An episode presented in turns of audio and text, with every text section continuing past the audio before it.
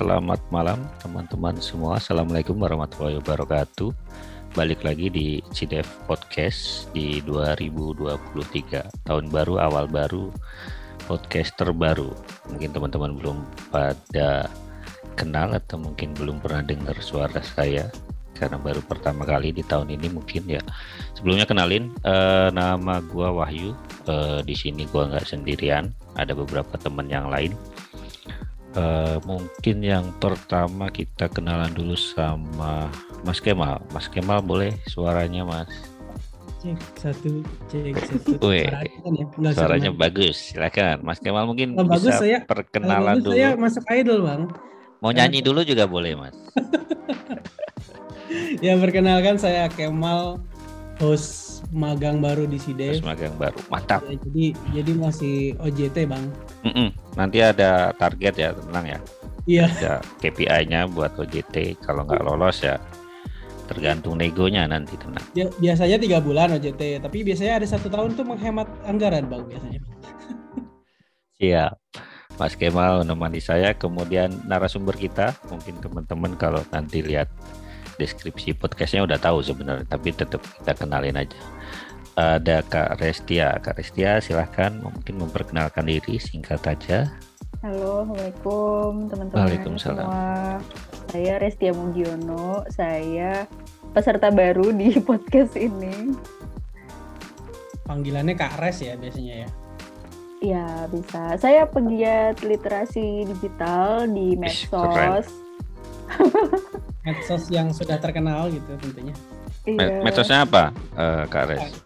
Instagram, LinkedIn, Instagram, Twitter, LinkedIn, sama TikTok sih. TikTok juga. Iya. Us username-nya apa biar teman-teman nanti bisa pada follow. Nanti ditaruh di deskripsi juga. At Restia Priu, kalau di LinkedIn itu uh, Restia Mugiono. Kalau TikTok juga at Restia Priu. Follow ya, follow ya. Siap, nanti diviralkan. Saya, saya penggemar sejati. Waduh. Udah nyalain notif berarti Mas Kemal ya. Udah nyalain notif. ada post baru, story baru langsung dapat notif ya. Semua IG-nya saya udah follow bang. Waduh. Oke. Nih kita mau ngapain nih Mas Kemal? Kita malam-malam. Oh ini malam ya, jadi teman-teman nggak tahu tuh, yang dengar. Saya tuh kadang kepikir kayak kan resolusi 2023 tuh ngapain gitu kan ya. Waduh, resolusi. Kadang, uh -uh, kadang ada orang yang so, so apa istilahnya kita mau resolusi padahal 2002 aja kita belum pernah review gitu loh jangan-jangan kita nggak pernah achieve sesuatu yang kita pengen di 2022 nah kita tuh uh, selaku pegiat uh, keamanan siber ya dan seterusnya nampaknya kita juga perlu bang uh, sebelum kita menetapkan resolusi keamanan siber misalnya tanda kutip Indonesia atau bangsa ini 2023 mau kira-kira mau ke mana dan seterusnya dan tantangannya apa gitu ya. Kan nampaknya kita perlu bang uh, kita cek lagi deh 2022 tuh kita ada kejadian apa. Mungkin teman-teman butuh flashback dan nampaknya eh ternyata iya ya waktu itu pernah kejadian juga tuh kayak gitu. Mungkin Kares lebih paham nih tentang materi ini Kares. Ya, jadi uh, di konten aku juga pernah tuh bikin Rewind Indonesia 2022 dalam konteks cyber security. Wih, ngeri. Itu... Nah, kalahin Dedi ini, tapi dalam konteks cyber security ya. Ya, itu gara-gara kata-katanya Mas Dedi kan Rewind Indonesia 2022. Terus saya bikin kepikiran, oh iya ya, kalau cyber security apa aja ya kemarin kejadiannya. Terus saya buka tuh archive-nya CNN Indonesia. Nah, di situ saya bikin konten tentang uh, peristiwa-peristiwa yang cukup ya. Uh, uh, trending waktu itu di dalam trending. negeri sama di luar negeri juga. trending dan membekas ya istilahnya Membekas.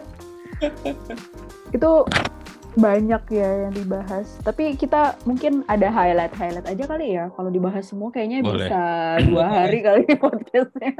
Bisa satu season sendiri podcast bahas rewind. boleh lah Kares jadi ya, setiap bulan itu tiap harinya dibahas juga boleh Kares biar panjang podcast kita ini Nanti kita nggak maju ke 2023 jadinya kok. Oh, enggak. juga. ada apa Kares mungkin bisa dimulai dari Januari ya 2022 ya ada Iya, iya. momen apa Kares yang penting di Yang situ paling hits, paling trending nih Januari. ini. Nah, mungkin di karena udah lama banget ya, mungkin Hmm. beberapa udah pada lupa gitu. Di Januari tahun lalu ada apa sih sebenarnya? Betul. Iya. Ini udah setahun yang lalu ya berarti ya. Mm-mm. Oh, Di 6 Januari 2022 itu waktu itu sempat viral yang tentang data pasien COVID-19 milik Kemenkes itu diduga bocor dan dijual di Red Forum. Datanya itu 6 juta data pasien dan sampel dokumennya itu sampai 720 GB. Gede banget ya. Sampel doang itu padahal ya. Sampel itu ya. Iya. Harddisknya kita ada harddisknya udah tera-teraan sih ya, tapi satu harddisk kita untuk sampel data ini doang kebayang nggak sih? Udah lumayan ya. Berarti. Nggak nggak muat Mac gua nih. 256 kan. Bang jangan ngomong gitu bang. Soalnya saya lebih lebih turun lagi. 256 masih. Baru mau download aja udah nggak kuat. Iya, aku? Mac juga 256 doang. Padahal itu sampel aja udah 720 giga. Gede banget ya. Berapa hari download itu kalau di download? Yang menariknya ini mungkin data ini data bersifat ini ya sangat pribadi sekali kemungkinan eh, banyak juga yang eh, record-record kesehatan itu juga eh, akhirnya bisa bocor dan mungkin dimanfaatkan lah akhirnya ya, begitu ya Karas ya. Iya, ini serem banget sih. Itu waktu itu udah namanya tapi waktu itu bukan Bjorka ya waktu itu ya. Belum kayaknya belum. Oh ada. belum. Belum Bjorka ya. Masih dipikirin namanya kayaknya. Masih dipikirin. Bikin username-nya. Kayaknya kita jadi familiar sama yang namanya dark forum ya sejak ya, mulai saat mulai itu ya. kita mulai paham ya ada ada dark Nah, Kayak masyarakat baru ngerti kalau data bocor itu bisa dijual itu kayak baru baru ngerti gitu. benar. Baru kayak oh ternyata kalau ada peristiwa cyber security tuh sampai gitu ya sampai bisa dijual. Nah, itu kayak baru tahu deh. Ya, yang ya. selama ini orang-orang cyber security doang yang Hmm. tahu, akhirnya masyarakat jadi ikut tahu gitu. Itu kayak edukasi secara nggak langsung sih. Ah, tapi malah jadi ada kayak salah pemahaman sih kayak misalnya banyak berita bilang bahwa data dijual di dark web padahal kan buat buka red forumnya kan tinggal klik aja https gitu kan nggak perlu Nggak tor perlu buat masuk Tor ya. ke dark web bener jadi Jadi malah. bukan bukan dark web ya itu sebetulnya betul masih jadi simple browsing aja mereka aja nggak tahu jadi dark. Iya, mungkin dark di sana agak kelam gitu bang. Maksudnya ya mungkin konteksnya kelam gitu ya. atau Bukan- mungkin eh, itunya temanya tuh dia temnya tuh dark gitu. gelap berarti Iya. laptop Nggak gue juga silau. dong. Chrome gue juga iya dong. Berarti tapi gua dark, nih lo dark juga berarti. Kalau kulit gue jangan dark juga dong, jangan diomongin gue dark dong. Pokoknya karena yang agak-agak serem-serem jadi dark gitu. Hmm. dark. Jadi komoditi ya akhirnya ya, jadi komoditi berita ya waktu itu. Cuman Iya. belum belum seviral uh, akhir-akhir tahun mungkin ya. Kak Kares ingat nggak dulu kenapa ini si Kemenkes bisa sampai bocor Maksudnya initial aksesnya betul sampai Iya dulu tuh kalau nggak salah pas awal-awal itu yang masih pakai e-hack versi lama belum ter, uh, Oh, bener. koneksi sama e-hack yang peduli lindungi ya kalau nggak salah waktu itu. Hmm. Waktu itu waktu itu kalau nggak salah dapat infonya tuh memang data tersebut adalah data migrasi gitu kan kalau nggak salah ya. Hmm. Di dimigrasikan dan itu sudah tidak dipakai dibilang gitu kan ya. Iya.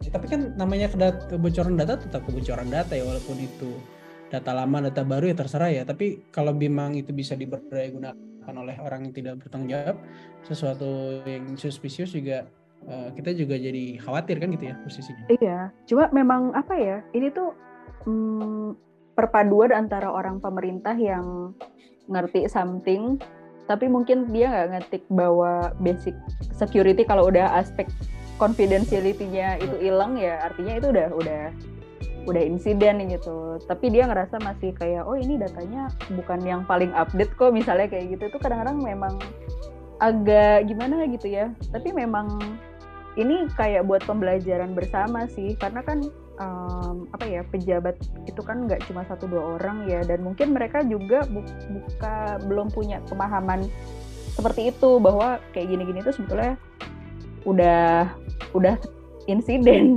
gitu. Kalau diingat kata-kata pembelajaran bersama ini jadi tanggung jawab eh, Kementerian Pendidikan ya berarti ya? Harus masuk kurikulum berarti Masih kurikulum dong harus. Kayak dulu tuh harus ada menteri penerangan gitu kan ternyata kayak gitu. Menteri Literasi Cyber Security kares saja Menteri Literasi Digital. Oh. Mungkin kita penting dari sini berangkat berangkat eh, terjadinya ada awareness eh, situational awareness yang di yang terbangun karena insiden itu. Nah di bulan Februari ada apa Kares yang bisa di remind lagi nih di ingatan kita? kayak di Februari itu sempat ada kebocoran data juga. Itu data konsumen otomotif uh, sebanyak 52 juta data dan diduga berasal dari Kemenhub. Ini bocor dan dijual di Red Forum. Hmm. Nah ini juga datanya data, apa aja ini? Datanya menarik. Ini mungkin apa yang bisa di bisa di spill gitu data. Data apa ya? saya nunggak pajak. data apa ini? data konsumen otomotif sih ya aku nggak begitu kayak plat nomor berarti kayaknya waktu itu sempat ramainya ini bang uh, tipe mobil yang terjual kemudian dia punya eh, informasi-informasi uh, di dalamnya seperti misalnya apa ikut ikut-ikut serta di proses pembayarannya data pribadi dan seterusnya sampai plat nomor ya sempat sempat ramai lagi itu sebetulnya ya data kalau sekarang ngomong PDP itu termasuk data spesifikasi khusus itu kali ya? Benar, benar. Nggak masuk PII, eh, plat nomor ya? Belum ya? Plat nomor, plat nomor kayaknya enggak deh bang, karena bisa dibaca juga bang. Bisa di search kan, ketahuan ini nunggak pajak ini. isi, ya, isi. Arah, arahnya ke mana ya kalau misalnya data itu uh, semakin luas ya? Uh, penyalahgunaannya tuh ke arah mana kira-kira nanti kalau data otomotif itu konsumen otomotif atau paling uh, enrichment aja phishing ya, kali ya ujung-ujungnya phishing ya phishing karena kan data otomotif pajak gitu ya uh, kalau data otomotif kan pasti nanti berkaitan sama merek-merek mobil mungkin ya. Nah itu kan hmm. berarti kelihatan ya, berarti itu bukan orang yang sederhana gitu kan. Okay. Kalau ditipu nggak sederhana juga mungkin hasilnya. profile. Ya, di iya. profiling artinya ya, di profiling, social profiling ya. Sebelum bisa lari ke sana sih. Hmm.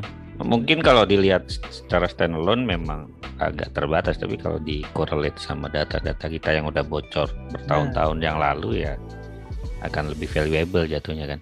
Ya, iya. Jadi nanti begitu nelpon, Mas yang punya mobil ini kan dia, iya gitu. Tahu ya gitu ya. Kami mau menawarkan kredit. Sales men dong. Sales harus lebih pinter juga sekarang cari datanya. Iya. Oke, kita lanjut ke bulan Maret. Ada apa Kares di bulan Maret 2022? Nah, di bulan Maret itu ada heboh ya dari nasabah uh, sebuah bank nasabah tersebut uh, mengadukan sesuatu terus viral. Hmm. Jadi dia mengaku kebobolan 135 juta dari rekening pribadinya. Dia kok nggak salah waktu itu tinggalnya di Bandung. Sementara um, bobolannya bukan di Bandung. Bobolannya bukan di Bandung gitu. Aku nggak hmm. lupa deh kota apa gitu. Dan itu viral. Waktu itu sempat bikin konten juga jadi apal banget. Nah, uh, iya jadi dia tuh yang lucunya tuh transfernya itu ada yang tarik tunai, ada yang transfer, Bagi -bagi. ada yang ke sebuah perusahaan kripto juga gitu. Hmm. Perusahaan oh invest. Ya. Iya invest. Rosternya gitu. pinter ya invest, udah mikirin iya. invest. Ya, Keren banget. Dan itu endingnya diganti sih sama bank tersebut karena udah viral ya. Yeah. Dan saya ikut memviralkan, parah juga ya. Sebenarnya kan kalau kasus-kasus begini biasanya ya rata-rata karena uh, konteksnya quote unquote kita kurang rapi lah dalam dalam melakukan transaksi di ATM gitu ya. Tapi ini menjadi viral dan menariknya diganti ya Karis ya.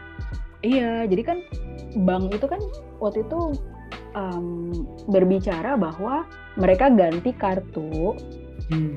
ke yang udah smart card ya, pakai ya, chip gitu. Simbis, simbis dan ya. ngeklaim bahwa itu lebih aman padahal di iya. kartu itu si magnetic strip itu tetap jalan loh dan itu mungkin orang nggak menyadari ya bahwa kita sebetulnya sekarang udah udah dua gitu chipnya jalan yeah. magnetic stripnya itu tetap jalan karena kebutuhan dari point of sales yang yeah. tetap pakai magnetik itu makanya bank nggak mau kehilangan itu juga ya karena itu kan duitnya gede juga yeah, akhirnya itu tetap dipertahankan gitu dan ini jadi seolah-olah tuh agak blundernya tuh karena sempat ngeklaim ganti kartu itu lebih aman padahal kan skimming itu tetap bisa terjadi gitu.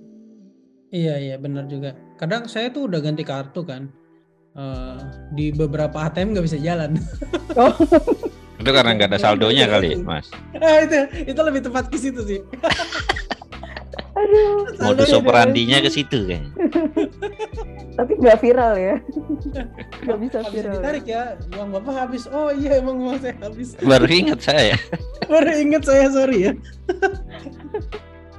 itu lebih kepada reminder sih. Iya. Reminder Untuk untuk bekerja ya. lebih keras lagi. Bekerja lebih keras. Bekerja kayak kuda. Oke, itu menarik. Eh, artinya kasus ini sebenarnya kasus lama ya skimming skimming ini, tapi muncul lagi di Maret 2022 dan ini ternyata menjadi perhatian banyak masyarakat karena memang eh, program yang ditawarkan pada waktu itu program untuk eh, anti skimming lah istilahnya gitu ya. Ganti kartunya itu tadi kan awalnya mungkin. Jadi kayak salah salah apa ya? Mungkin overclaim ya bahwa itu Ya. ganti kartu itu lebih aman. Padahal mereka mungkin lupa ya apa mungkin di dirahasiakan bahwa magnetic stripnya tetap jalan gitu. Oke, ini menarik. Eh, kita bisa eh, apa namanya me- me- me- me- menarik kesimpulan bahwa tidak selamanya eh, posisi pergantian teknologi itu juga berjalan dengan lancar ya posisinya ya. Akhirnya ada ada skema soft handover lah di situ ya. Oke. Eh, kalau kita tarik lagi ke bulan April, ada apa Kak Ares di 2002 agar kita bisa rewind lagi? Pem- Ah, apa? di ingatan kita? April itu di 18 April itu Kaspersky ini sebuah ah sebut nama ya sebuah perusahaan antivirus ini menemukan aplikasi fake call Trojan dan Hmm. dia itu bisa meniru suara percakapan karyawan bank bahkan mengelabuhi nasabah ketika menghubungi hotline bank jadi benar-benar damage banget ini ya kalau kayak gini Jadi dia-. Jadi trojannya itu dia bisa calling sendiri dan bisa meniru suara sendiri gitu. Iya, jadi seolah-olah kita ngobrol sama petugas bank padahal itu Trojan gitu kan. Serem Hmm. juga ya. Hmm. Iya iya iya. Jadi pas dia bilang nama ibu kandung segala macam kita udah data bocor dong ya posisi kayak gitu ya. Iya, bener banget. Dan kan data bocor bisa dengan berbagai macam ya, bisa dengan Nah. difoto, nulis, dengan menyebutkan juga kan bocor juga. Nah, itu serem banget sih. Iya iya. Ini di- ditemukannya di Indonesia juga atau di luar negeri juga waktu Kayaknya di di luar negeri sih, bukan di Indonesia. Nah, tapi nampaknya ini juga menarik karena eh, ternyata ada modus operandi yang modelnya begitu gitu kan ya. Iya. Ini kalau yang nelpon saya tuh biasanya ada yang kami dari eh, ini Pak, dari Plaza Anu, bla bla bla, ingin ini dan seterusnya. Ketika kok ini logatnya agak aneh gitu ya. Bukan orang-orang kota gitu kan ya. Kan ada ya. logat. Oh, iya iya iya iya. Nah, itu Trojan juga bukan? Aduh, serem banget kalau itu. Tapi aku pernah dapat konten dari apa um, pembaca dari ini ya dari followers. Hmm. Dia tuh ngasih rekaman tentang upaya phishing itu Oh iya. dan itu emang agak ngeri ya. Suaranya tuh memang nggak nggak selembut petugas bank sih ya. Maksudnya kalau petugas bank itu kan suaranya kayak renyah-renyah gimana gitu loh. nah kalau pelaku dari phishing ini suaranya agak-agak tegas gitu sih.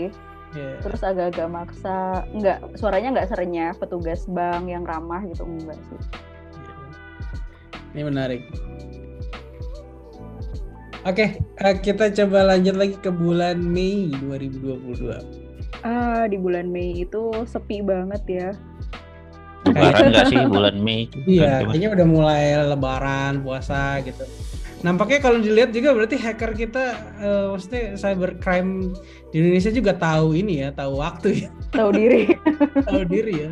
Jadi Tapi ibaratnya ngecek kalender, Pak. Oh ini Indonesia lagi liburan, lebaran. Jangan diserang. jangan diserang. Waktunya menghabiskan uang. uang THR. Oh, Ya, Iya. jadi mungkin posisinya eh, saya nggak tahu juga ya. Eh, ini menarik juga mungkin kalau dianalisis nanti eh, munculnya ke arah habit kah atau seperti apa itu juga nampaknya perlu kita eh, garis bawahi ya.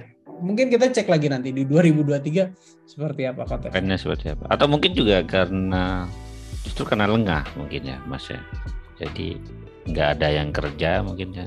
Kayak terlalu keras kasar ya mungkin nggak ada yang kerja. Mungkin sebagian udah liburan gitu ya. Jadi udah Oke. wa- Jadi Oke. mungkin ya lengah monitoringnya menurun seperti itu. Jadi Atau atau atau jangan-jangan em, bukan cybercrime lagi bang, udah physical crime kalau di lebaran.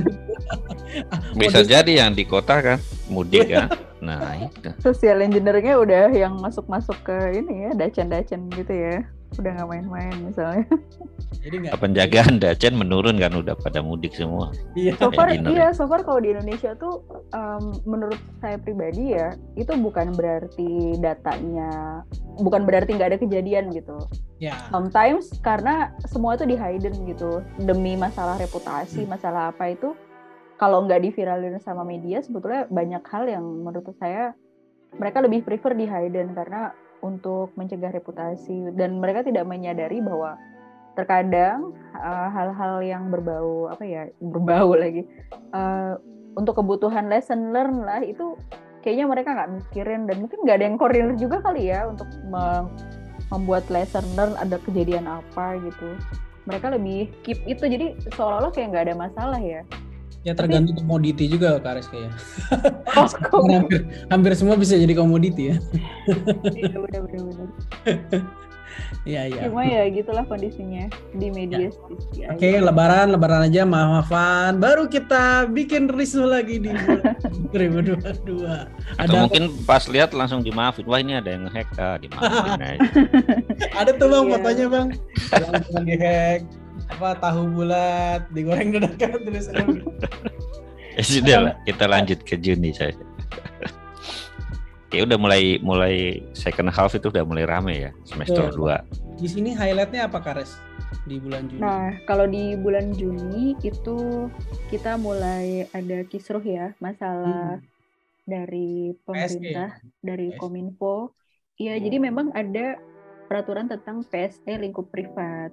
PS ini singkatan apa Kares? Mungkin ada teman-teman yang penyelenggara nggak tahu. sistem elektronik, Hmm. penyelenggara sistem elektronik. Jadi diharapkan penyelenggara sistem elektronik itu mendaftar karena memang sebetulnya untuk masalah kedaulatan memang kita menyadari ya nggak semua Betul. sistem elektronik atau uh, IT IT itu yang provider IT itu adalah pemiliknya dari Indonesia kan enggak ya enggak banget ya kita lebih ke konsumen tapi sometimes untuk kebutuhan kedaulatan memang kita bersaran supaya bisa ada penegakan yang tegas gitu supaya mereka tuh mendaftar. Cuman saya nggak paham ya apakah sosialisasinya kurang apa gimana. Nah ini udah mulai kisruh di 27 Juni itu startnya Ya. bahwa kalau tidak mematuhi peraturan maka kedaulatan bisa terganggu. Ini Sebenarnya pernyataan cikal bakalnya eh, Kominfo versus everybody ya kalau anak-anak orang bilang sekarang. Anak-anak zaman now. Anak-anak zaman now banget ini versus di satu sisi Kominfo punya maksud baik tapi Niatnya di sisi baik ya, lain berarti. uh, kalau kita niatnya niatnya oke lah baik gitu tapi kalau misalnya pelaksanaannya memang jadi merugikan banyak pihak gitu ya Betul, itu kan yang resikonya yang akhirnya tidak terhitung ya kemarin itu kemarin. iya ini resiko reputasi di Kominfo ini bener-bener ini sih Ya. jatuh banget sumpah kasihan banget Kominfo Oke, eh, secara garis umum mungkin mau modelnya kayak the Chinese Great Firewall itu kali ya. Kita bisa mengontrol semua konten yang masuk dan keluar gitu. Tapi nyatanya kita belum siap gitu ya, Bang eh, Wahyu ya. Mm-mm. Tapi mungkin nggak nggak ke sana juga sih malah akan jadi ben- ke- kejadian beneran yang tadi Mas Kemal bilang Kominfo versus everybody gitu kan kalau sampai mereka mau bikin the Great Wall gitu ya. The Great Kalau dulu Firewall of itu- China. kalau dulu itu apa ya project-project Kominfo tuh kayak internet positif terus Hmm, uh, apa lagi ya lupa. sehat dulu kan. Iya, sebetulnya itu project yang bagus ya untuk menjaga kita dari konten-konten uh, Negatif. penyelenggara yang negatif. Nah, sebetulnya idenya lebih ke sana sih, bukan untuk ke grade Ke censorship. uh, uh, uh, enggak. Iya, karena kalau misalnya disandingin sama China ya, kita tuh Jauh ya. kita jauh banget sih. Kita tuh demokrasi ya. semua Iya. orang bisa speak up di Indonesia beda sama di China kok di China nggak bisa bahkan kalau di China tuh kok nggak salah ya cuma pakai VPN aja tuh lah udah langsung kena warning gitu karena kan nggak boleh pakai VPN Gak ada yang gitu. jalan di Cina VPN. Kemarin temenku balik China terus komplain, wah ini VPN gak ada yang jalan. Tolong spawn satu dan sedia AWS. kan bahkan katanya ini bang eh, saya saya kemarin baru present itu yang Chinese Blade Firewall itu ketika kita browsing apa di feedbacknya apa gitu bisa di di di Dimanipulasi. manipulasi betul itu bisa dimanipulasi serem juga ya Secanggih itu ya. canggih itu secanggih itu dan seketat itu. Nah Indonesia tuh kayaknya nggak ke arah sana deh. Kita dengan jumlah Indonesia warga negara Indonesia yang luar biasa, terus juga uh, iklim kita kan bukan komunis ya, tapi lebih ke demokratis itu jauh banget sih. Makanya kemarin ketika ini disanding-sandingin sama The Great uh, Chinese. Wall-nya Chinese itu kayaknya ini kayak berlebihan gitu. Ini Ya, kok ya. jadi kayak membubui apa sesuatu yang udah keruh gitu. tapi ada yang Biasa bilang lah ini nanggung ini ada yang bilang juga ini nanggung gitu kalau ke Chinese Firewall juga enggak ke posisi yang standar juga enggak jadi posisi- Nantangin jatuhnya ya. Nantang. iya bener kan akhirnya karena saya pribadi iya. kan gitu semua nggak setuju gitu oke di Juli 2002 ada apa nih Kares nih Oke, di Juli dua tak udah mulai kayaknya ya pergerakan-pergerakan tadi versus saya pribadi Mas scroll Oh, ke iya. bawah lagi. Siap. Oh di sini. Tanggal. Iya. Nah, di sini udah makin panas ya. Jadi yang tadi di Juni itu udah mulai start itu di akhir Juni, sekarang di Juli makin panas makin panas. hmm. Dan Juni baru ibaratnya surat peringatan gitu ya. Iya, baru mulai. Di Juli itu udah kayak berapa hari itu ada beritanya terus di TV ya bahwa dilakukan blokir terhadap ini, terhadap itu dan itu bikin kisruh sampai akhirnya banyak yang uh, meluapkan kekesalan di medsos, Hmm. bahkan bikin uh, ada yang apa, bikin countdown loh in- eh, apa in- ke- apa eh, eh, kiamat internet Indonesia katanya Iya, soalnya waktu itu yang sampai mau diblokir itu sampai Google mau diblokir, WhatsApp mau diblokir. WhatsApp mau diblokir Iya Whats- WhatsApp cuy.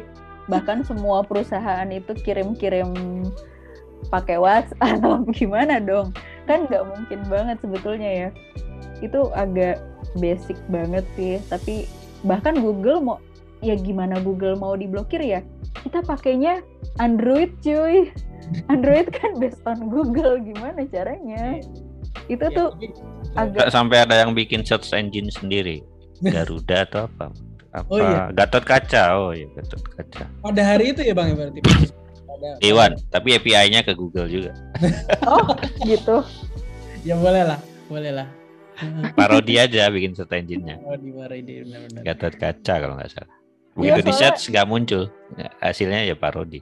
ya Soalnya artinya beberapa apa beberapa orang bikin browser pribadi itu juga browser yang ini ya custom itu juga based on-nya tuh dari Google Chrome kalau nggak Iya. salah ya. Dia kan Chrome punya yang nightly API. build yang harian itu kan ada yang banyak dipakai browser lain juga sebenarnya. Iya, itu browsernya tuh ternyata jadi jadi banyak banget ya variannya ya sebetulnya kalau kita itu dan tapi itu based on-nya Chrome Chrome juga gitu. Iya. Gimana dong? ya artinya di sini eh, sebenarnya tidak ada yang salah gitu ya dalam proses penegakan hukum kan Eh, kita paham betul bahwa eh, pemerintah juga punya standar untuk penegakan hukum namun yang perlu digarisbawahi adalah impactnya itu terhadap masyarakat yang memang mungkin kita belum punya alternatif-alternatif lain makanya tadi alternatif-alternatif itu diparodikan akhirnya gitu Iya. Sampai waktu itu PayPal ya, orang pada komplain PayPal, PayPal. betul. Freelancer ketika- pada nggak dapat Ketika gaji. diganti kan PayPal diganti sama yang source dari Indonesia, PSE dari Indonesia itu belum belum memadai juga ya. yang Banyak head to head lah ya istilahnya ya Ah, ah, nggak bisa langsung menggantikan apple juga. apple Itu yang bikin jadi kesel sih. Akhirnya sampai ada apa hashtag blokir kominfo. Itu sebetulnya jujur itu gak enak banget tuh liatnya, sumpah gak enak banget. Saya kebayang kalau di sana nampaknya saya udah kayaknya gimana ya kerja di sana posisinya. Tapi kita salut lah sampai hari ini teman-teman masih bisa bertahan di sana dan kita punya mungkin mungkin ya tekad visi kita untuk internet lebih sehat tuh harusnya tetap kita galakkan. Iya, itu yang si berkreasi tuh, Mas. Betul betul si berkreasi. Kasian banget sumpah deh. Si berkreasi kan selalu menyuarakan untuk uh, menyuarakan hal-hal yang positif gitu kan. Sementara pada saat itu tuh netizen tuh ngebulinya tuh ah udah deh parah banget deh. Mungkin netizen juga sebenarnya lagi kesal hal yang lain gitu. Akhirnya lari ke situ juga ya. Iya, jadi, jadi sana, mereka jadi tuh ya. Iya mereka tuh cuma pengen nembak tapi nembaknya tuh ke yang yang akhirnya ke kominfo gitu. Iya. Ya, jadi bukan salah kominfo semua ya. Tenang aja. Iya, salah salah eh, maturity IT mungkin kurang. Mindset and maturity. Jempolnya nggak ada remnya. Oke, tahu. dilanjut di Agustus 2022.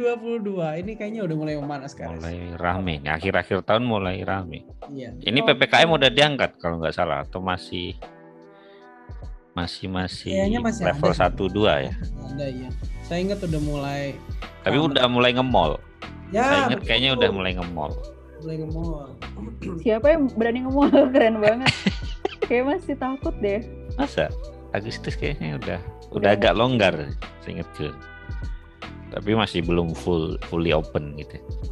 Ya, Nah, di Agustus ini ada isu Biorka ya.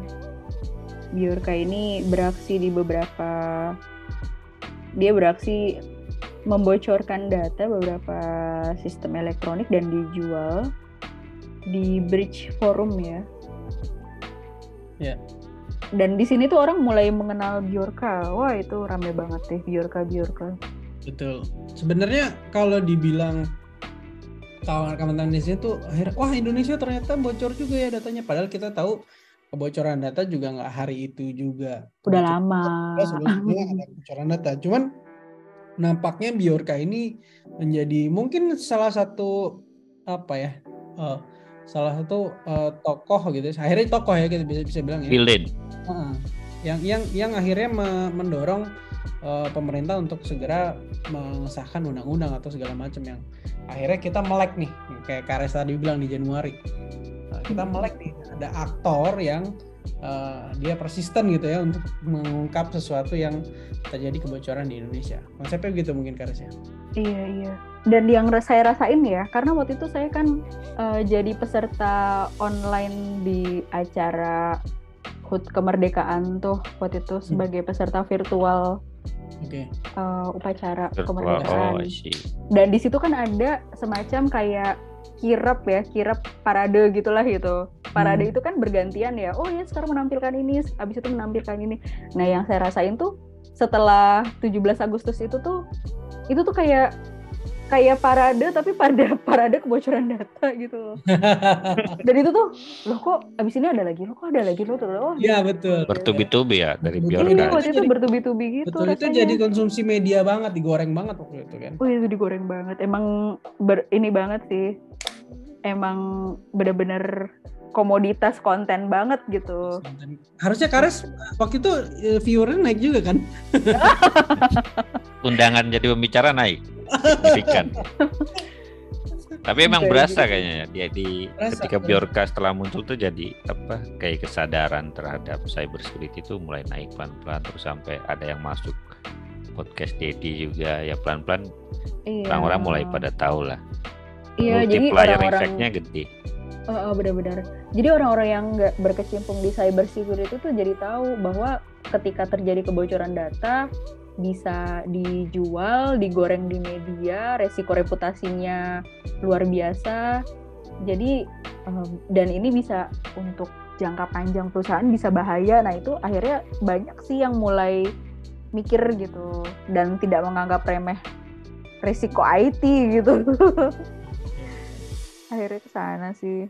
Nah, semakin terbuka akan pentingnya kesadaran akan kebocoran data, kemudian privacy dan segala macam di bulan September nampaknya ini ada hal yang menarik lagi karena setelah Biorka lahir ya di bulan Agustus di bulan September ini ada kasus jurnalis Kares bisa disebutkan mungkin Kares dijelaskan jurnalis ini posisinya seperti apa?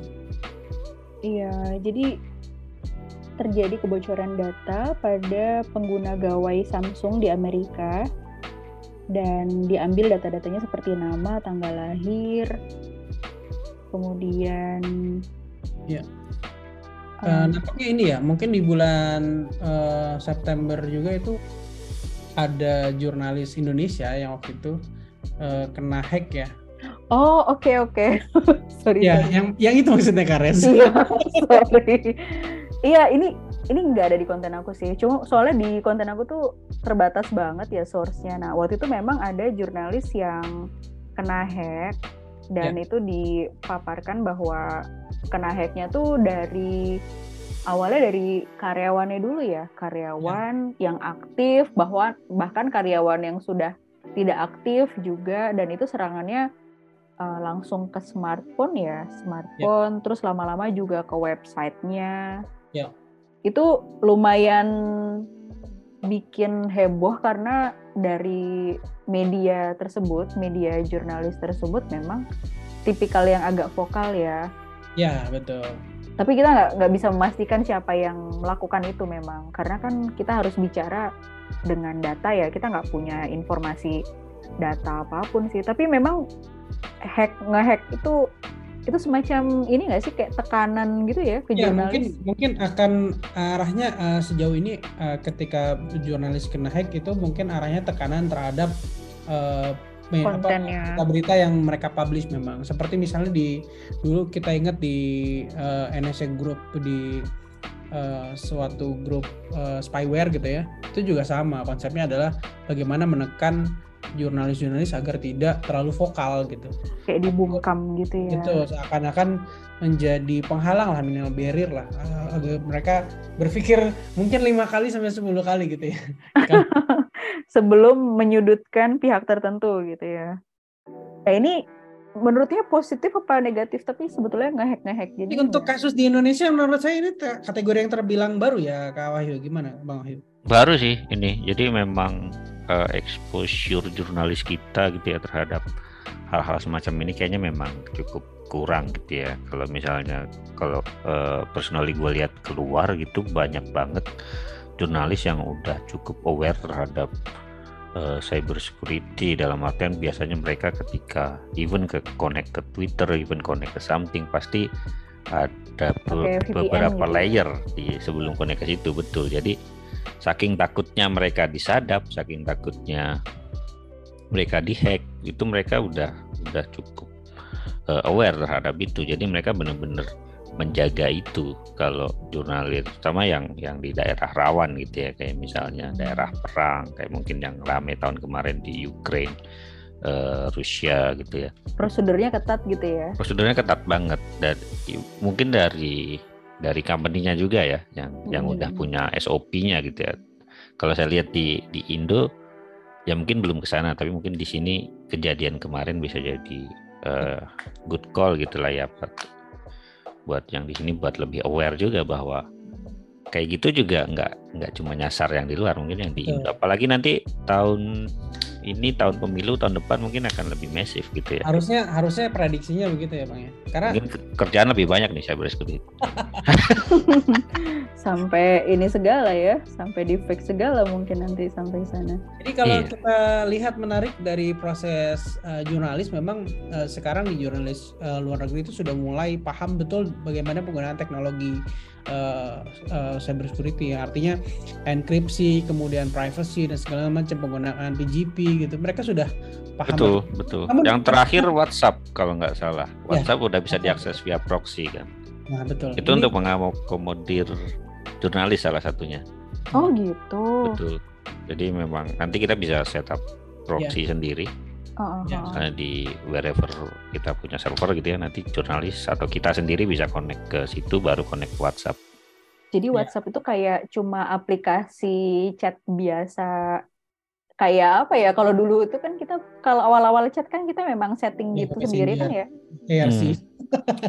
kalau kondisinya kayak di China kan akan ke decrypt ya koneksinya kalau kita langsung ke WhatsApp ya. Ya. Jadi pemerintah akan tahu wah ini mau buka WhatsApp nggak bisa kita punya aplikasi sendiri jangan pakai WhatsApp itu misalnya. Tapi kalau pakai proxy ya kelihatannya cuma connect ke proxy mungkin ya. Jadi nggak connect ke WhatsApp. Nah proxy-nya ini yang dia low tapi dari proxy ke belakangnya ke WhatsApp. Ya, ya. Tapi ada ada yang menarik bang di terkait teknologi jurnalis ini terkait anonymity, Hmm. uh, sebutkan privacy dan segala macam. Terkadang jurnalis itu tidak bisa anonim juga bang, karena misalnya ketika harus si A melaporkan report itu harus jelas bahwa itu si A gitu, bukan seseorang yang anonim karena tingkat validitinya dipertanyakan itu. Ini juga menjadi paper yang menarik waktu itu sempat saya baca uh, bahkan uh, jurnalis itu tidak tidak seanonim itu gitu kalau misalnya Hmm. kita membuat uh, apa aman dalam pertukaran data sebagainya itu juga cukup menarik itu. Uh, Tapi jurnalis harusnya kan me- mereka memang nggak anonim ya. ya itu. Tapi artinya. mereka mungkin harusnya punya kayak nama panggung gitu kali ya, nama nama pena gitu ya.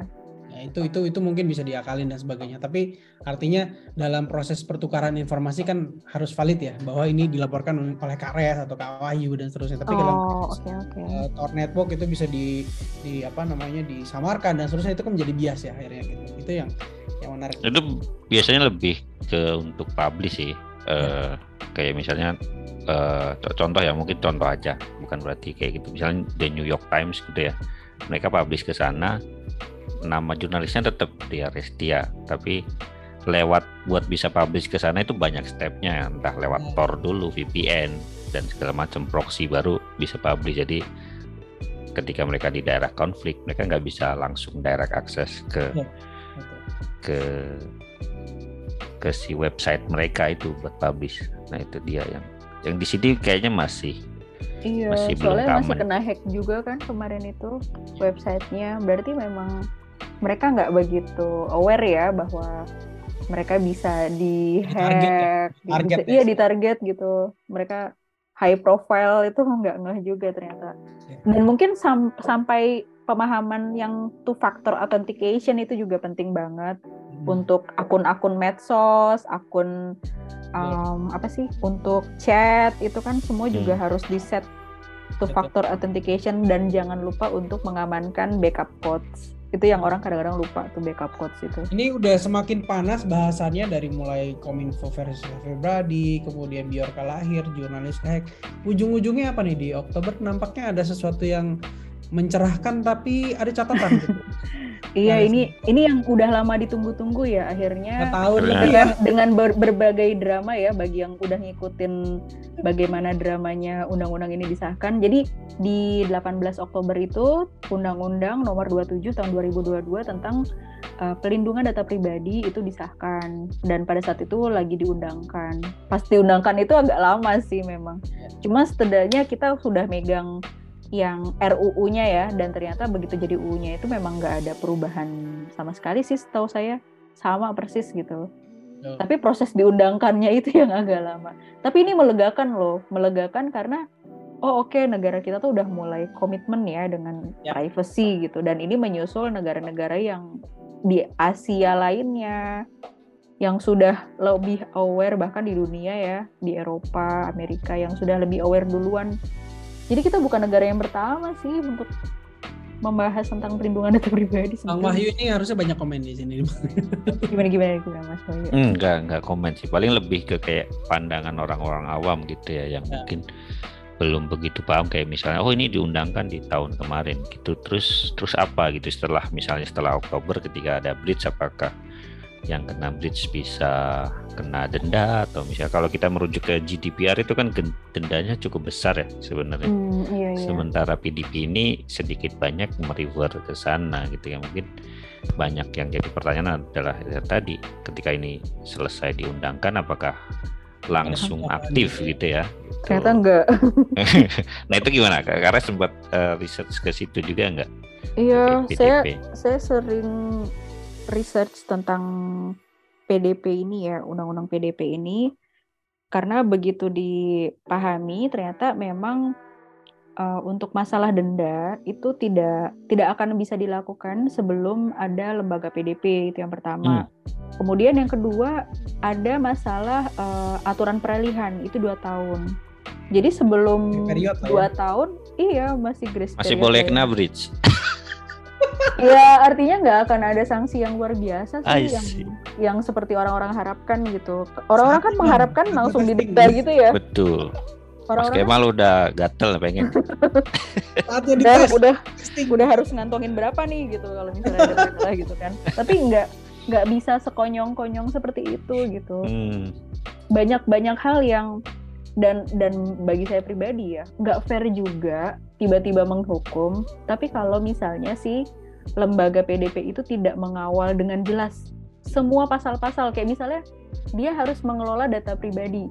Uh, data pribadi dikelola itu memastikan bla bla bla itu gimana caranya realnya tuh gimana gitu nggak bisa kan nggak ada. ada nggak ada dan nggak jelas gimana apalagi kan itu bahasa hukum banget ya Ya. itu tuh blunder banget orang cuma memahaminya undang-undang PDP tuh berkaitan sama Biorka terus yang dibahas tuh cuma pasal 65 66 67 yang tentang apa penyalahgunaan data pribadi. Padahal kan pasalnya nggak sempit Jadi, itu ya. Nggak cuma itu. Tapi memang ini menariknya ber, berhimpitan ya. Artinya Biorka momen eh, itu lahir, kemudian UU PDP seakan-akan ini menjadi obat eh, akan terjadinya si Biorka itu gitu kan ya posisinya ya pada waktu Iya itu. pada saat itu ya jadi seolah-olah Biorka Iya. melancarkan ini gitu Oh. terus waktu itu nyerang ke sebuah lembaga pemerintah tuh gara-gara itu terus anggarannya ditambah eh Ah, aku no comment kalau itu ya. nah itu agak nggak tau lah itu gorengan media aku nggak nggak paham sih keterkaitannya kayak gimana tapi Politik. intinya iya itu politik banget sih kayak kayak agak cocok logi gitu ya Betul. Keahlian netizen kita. Nah ini ini yang menarik di Oktober kan kita punya UU PDP ya. Namun ternyata yang yang kita bilang itu tadi obat bagi Bjorkanism yang waktu kita sebut-sebut itu. Namun ternyata di bulan November dia muncul lagi Kares. Jadi artinya posisi Iya, yang kita suarakan tadi memang nampaknya belum belum menjadi obat gitu ya posisi. Iya, jadi di November 2022 itu ada Biorka lagi, Lagi nih. uh, dan dia mem- membeberkan untuk masalah kebocoran data yang diduga berasal dari aplikasi My Pertamina. Dan ini diketahui jumlah kendaraan yang mendaftar sebetulnya baru 3 juta, tapi yang dijabarkan oleh Biorka itu 44 juta gitu. Jadi agak-agak membingungkan ya. Tapi mindset masyarakat itu lebih percaya Biorkanya sudah ngebobol itu masalahnya sih. Itu yang kadang-kadang tuh lebih ke apa ya? Mereka lebih percaya Biorka dan lebih ke wah Biorka nih berjasa nih berjasa apa juga nggak ngerti gitu. Tapi itu lucu sih, lucu sih bahwa Ya, kan- masyarakat itu berpihak ke Biorka gitu. Ya, Agak- seakan-akan dia jadi tokoh kan posisinya. Tokoh yang apa ya membuka aib dan tokoh yang ya segala sesuatu masalah itu kadang-kadang bisa jadi berkah sih memang. Tapi keberpihakan masyarakat itu kayak agak-agak agak-agak gimana gitu. Ya, Gitu. itu itu menjadi fenomena lah fenomena yang patut kita ini bersama ya kita telah telan bersama. Ternyata eh, netizen kita atau eh, masyarakat kita juga ternyata melihat fenomena yang seperti ini juga sedikit ini ya sedikit agak berbeda begitu ya posisinya Iya, jadi kalau dari dari hal-hal kayak gini tuh kadang-kadang saya jadi merindukan lagi ya dulu tuh ada Kementerian Penerangan. Mungkin hal-hal kayak gini memang memang harus diterangin nih. Maksudnya tuh gimana gitu kok kok Iya. jadi jadi malah mereka ini ya Namun ada meskipun ya ada ada yang menarik Kares di di kasus Biorka ini banyak banyak sekali yang bilang bahwa Biorka ini bukan hacker beneran saya juga nggak tahu ya posisinya seperti itu apakah memang dia hanya ada konteks yang menyebutkan bahwa ini hanya pengepul data padahal dalam organized crime in- eh, group itu kita juga paham bahwa emang ada maklar ada broker ada yang eh, tugas hacker dan seterusnya mungkin masyarakat juga belum tahu bahwa misalnya ada posisinya sebagai broker saja mungkin kayak gitu Karis ya Iya. posisi. Sebetulnya kan kita nggak ngerti ya ini data dari mana, data valid apa enggak. Itu juga masyarakat itu tidak memahami dan taunya tuh Biorka tuh hacker. Padahal seperti kita tahu ya, kalau sudah menyasar ke perusahaan biasanya dia nggak kerja sendirian sih ya Ya betul. Maksudnya grup dia punya grup kan harus. Iya biasanya dia grup. Jadi itu yang kadang-kadang orang tidak pahami ya dan melihatnya tuh kayak solo. Makanya li- ngelihatnya tuh kayak, oh gila Bjorka tuh hebat banget, keren banget gitu. Dan bahkan sampai ada yang ngefans itu yang bikin channel Telegram itu kan Iya betul. alasannya ngefans, ngefans cuy, kebayang Gimana? Bang Wahyu itu kalau udah ada fanatis-fanatis gitu ancaman bagi kita atau bagaimana Bang posisinya? Eh, nggak bisa dibilang ancaman mungkin ya. Eh, ancaman kalau misalnya kita yang ditangkap ya kita ancaman. Kan sampai amit-amit. Iya, balik lagi ke tadi sebenarnya ke, ke, ke kesadarannya bahwa mungkin orang-orang eh, awam mungkin ya itu bi- dibilangnya bahwa yang ada di kepala mereka terkait hacking hacker masih sebatas seperti di film-film bahwa yang ngehack itu satu orang pakai eh, hoodie gitu ya malam-malam pegang laptop gitu kan misalnya di di kepala mereka mungkin masih seperti itu betul jadi di kepala mereka yang tadi dibilang Mas Kemal organized crime yang even mungkin aksesnya pun beli dari orang lain jadi nggak ngebreed sendiri misalnya itu Ya. belum belum sampai ke sana pemahamannya jadi kayak sempet juga kan ada yang ditangkap eh, dikiranya Madiun Biorka ya, kan Madiun betul gitu ya. kan yang dari Madiun. mana betul dari Medion itu kan jadi awal-awal mungkin ada yang percaya gitu kan karena memang ya se di, di pikiran mereka ya ya hacker satu orang gitu kan misalnya kerja sendiri di pool data sendiri beli apa hasil jualan datanya buat seneng-seneng sendiri gitu ya misalnya mungkin 23 hard tahun work banget ya. betul sebetulnya. 20 30 tahun yang lalu mungkin masih seperti itu Ya. sekarang udah organize banget udah memang udah bisnis itu jatuhnya sekarang jatuhnya bisnis. Setuju. Iya, Oke. ini nggak dipahami sih. Mm. Tapi ya sudahlah. itu jadi tugas Kak Restia nanti Ini Sebagai Menteri Penerangan. di 2023. Makin banyak kontennya Kares. Waduh. Oke oke. Di bulan Desember 2022 sebelum akhir tahun ini ada apa insiden apa? Ah, ini viral nih penggunaan aplikasi artificial intelligence. Jadi dia itu setor beberapa foto Hmm. ke server, terus nanti tergenerate lah foto-foto indah dengan muka kita. Tapi itu ternyata ada ada sisi bahayanya juga ternyata waktu Apa itu Kares sisi bahayanya? Iya, jadi foto ini waktu itu memang bahayanya ya pada saat itu sebelum tanggal 8 Desember itu bahayanya adalah dari pemilik si aplikasi tersebut dia nggak klaim bahwa semua foto yang disetor dia berhak untuk um, membuat dis apa ya uh, membuat produksi ulang dari foto-foto tersebut dan juga punya hak pakai lah intinya kayak gitu. Ya. dan dan pengguna tidak mendapatkan kompensasi apa pun gitu. Nah pada saat itu tuh ramenya di media luar sih.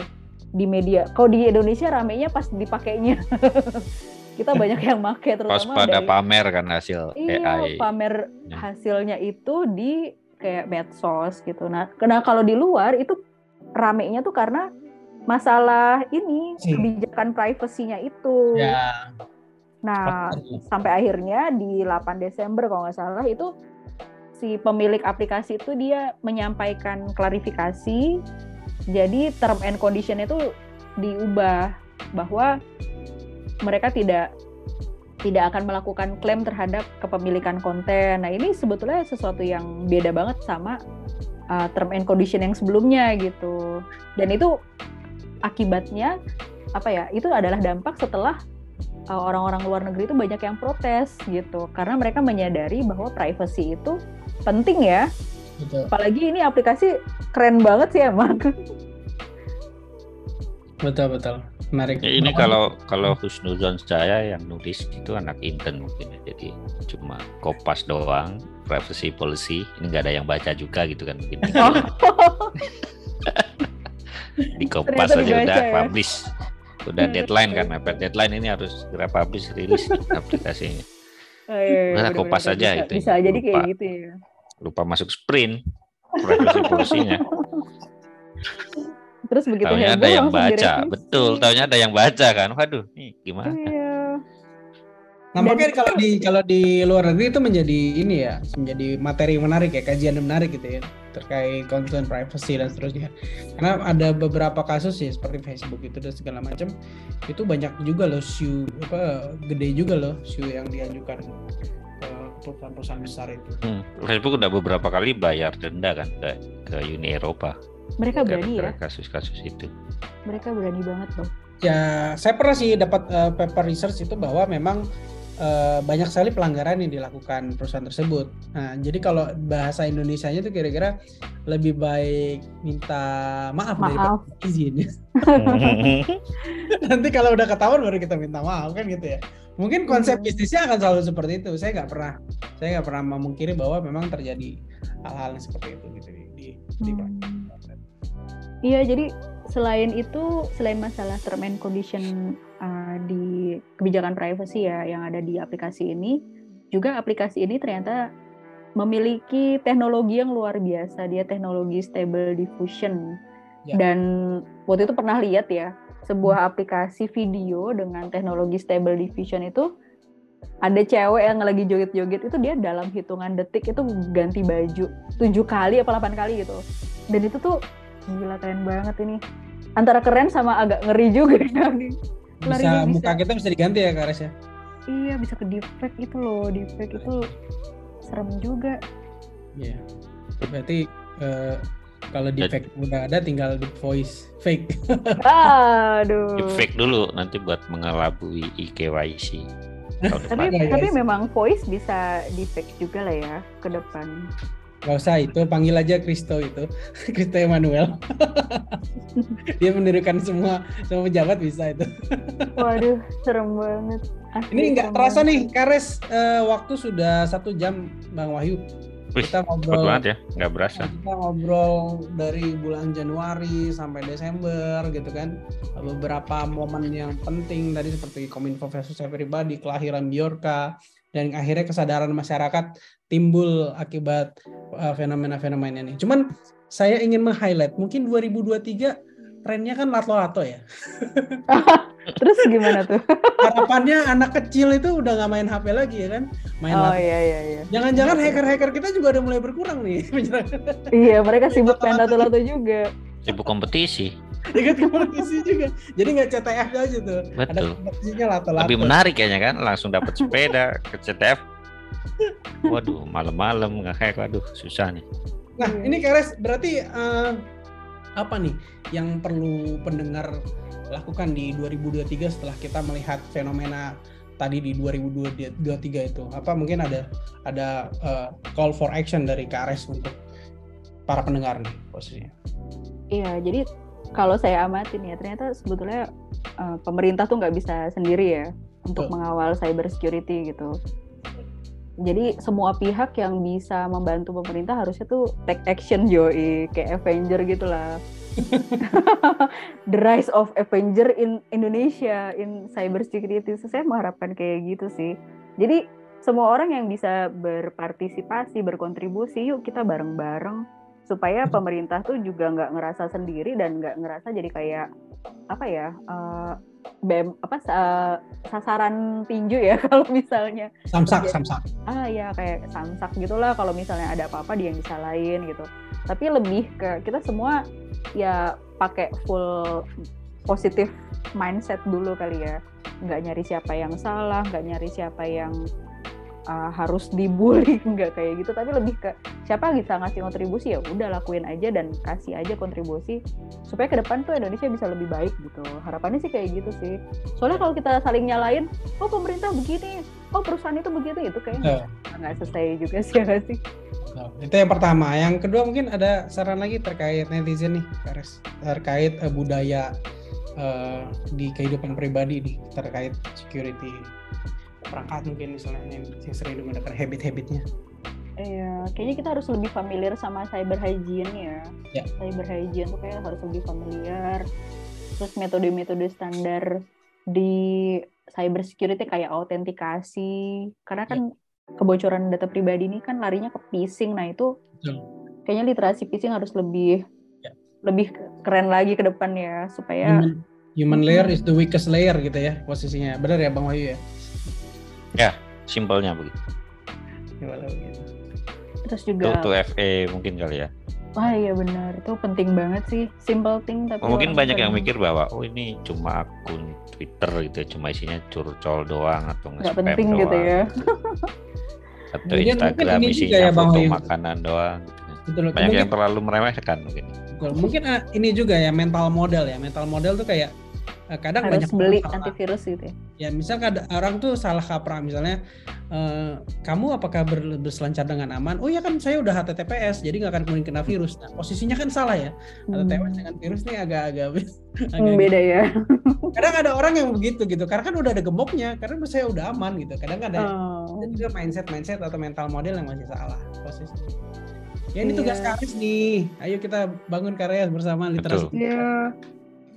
Saya mengharapkan lebih banyak yang apa ya? Sebetulnya udah banyak yang bikin literasi digital, cuman memang ini perlu kadang-kadang tuh kerasa kayak aduh kalau di medsos kan reach cuma orang-orang yang pegang medsos ya kesannya tuh kesan kayak misalnya orang-orang tua mereka kan nggak pegang medsos ya dan juga anak-anaknya banyak yang nggak terlalu menyampaikan informasi kayak gitu mungkin rasanya ah gue yang penting gue udah aman gitu nah itu kadang-kadang kepikirannya tuh pengen gitu kayak masuk TV kali ya supaya em, literasinya tuh lebih masif ke masyarakat yang bahkan mungkin Hmm. mereka nggak megang cuma megang handphone tapi nggak megang medsos nggak megang apa terus tiba-tiba mereka di chat yang kayak serem-serem gitu kan kan kasihan juga tuh ya Iya.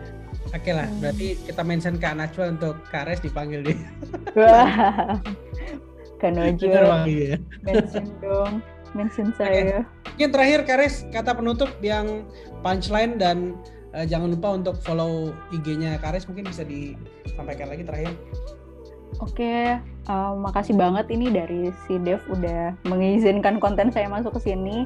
Bagi teman-teman yang pengen stay tune di konten literasi digital dari saya, nanti follow aja di medsos, di Instagram, sama TikTok at @restiapril, sama di LinkedIn Restia Mugiono. Saya senang banget share konten-konten yang bermanfaat dan mudah-mudahan bisa membawa keberkahan untuk cyber security yang lebih baik lah ke depan. Amin amin. Amin. Ya, mungkin itu aja eh, konten kita hari ini ya Bang Wahyu mungkin. Yep. Gimana? Eh, Karena saya masih gua- makan, gua yang saya nggak tahu closingnya. nggak ada closing ini podcast langsung dimatiin biasa. ya paling terima kasih untuk eh, Kak Res ya udah mau join podcast kita yang pertama di tahun ini. Keren Sama-sama banget Mas kontennya Wahyu. gitu ya. Teman-teman nanti yang penasaran, sebenarnya masih banyak yang dibahas Kak Res di kali kaleidoskopnya itu banyak banget kontennya tapi memang karena waktu yang terbatas kita nggak sampein semua kalau teman-teman penasaran langsung aja ke Instagramnya tadi atau ke LinkedIn juga ada disapa-sapa aja Kak Res biar semakin semangat sharingnya jangan cuma di follow, di mention, di share juga ke teman-teman yang lain biar awarenessnya juga sama-sama meningkat Oke, untuk teman-teman yang lain yang mau join CDEV langsung ke Discord-nya aja atau LinkedIn juga ada, tapi kita sekarang lagi aktifnya di Discord. Nanti ada reward kecil-kecilan juga yang paling aktif di Discord nanti akan dapat merchandise gitu lah ya. Cuma belum dipikirin merchandise-nya apa. Wah, Iya. seru-seru. Mungkin pulpen atau piring yang umum-umum aja. Sendok garpu, tapi ada logonya CDEV gitu kan, jarang-jarang kan.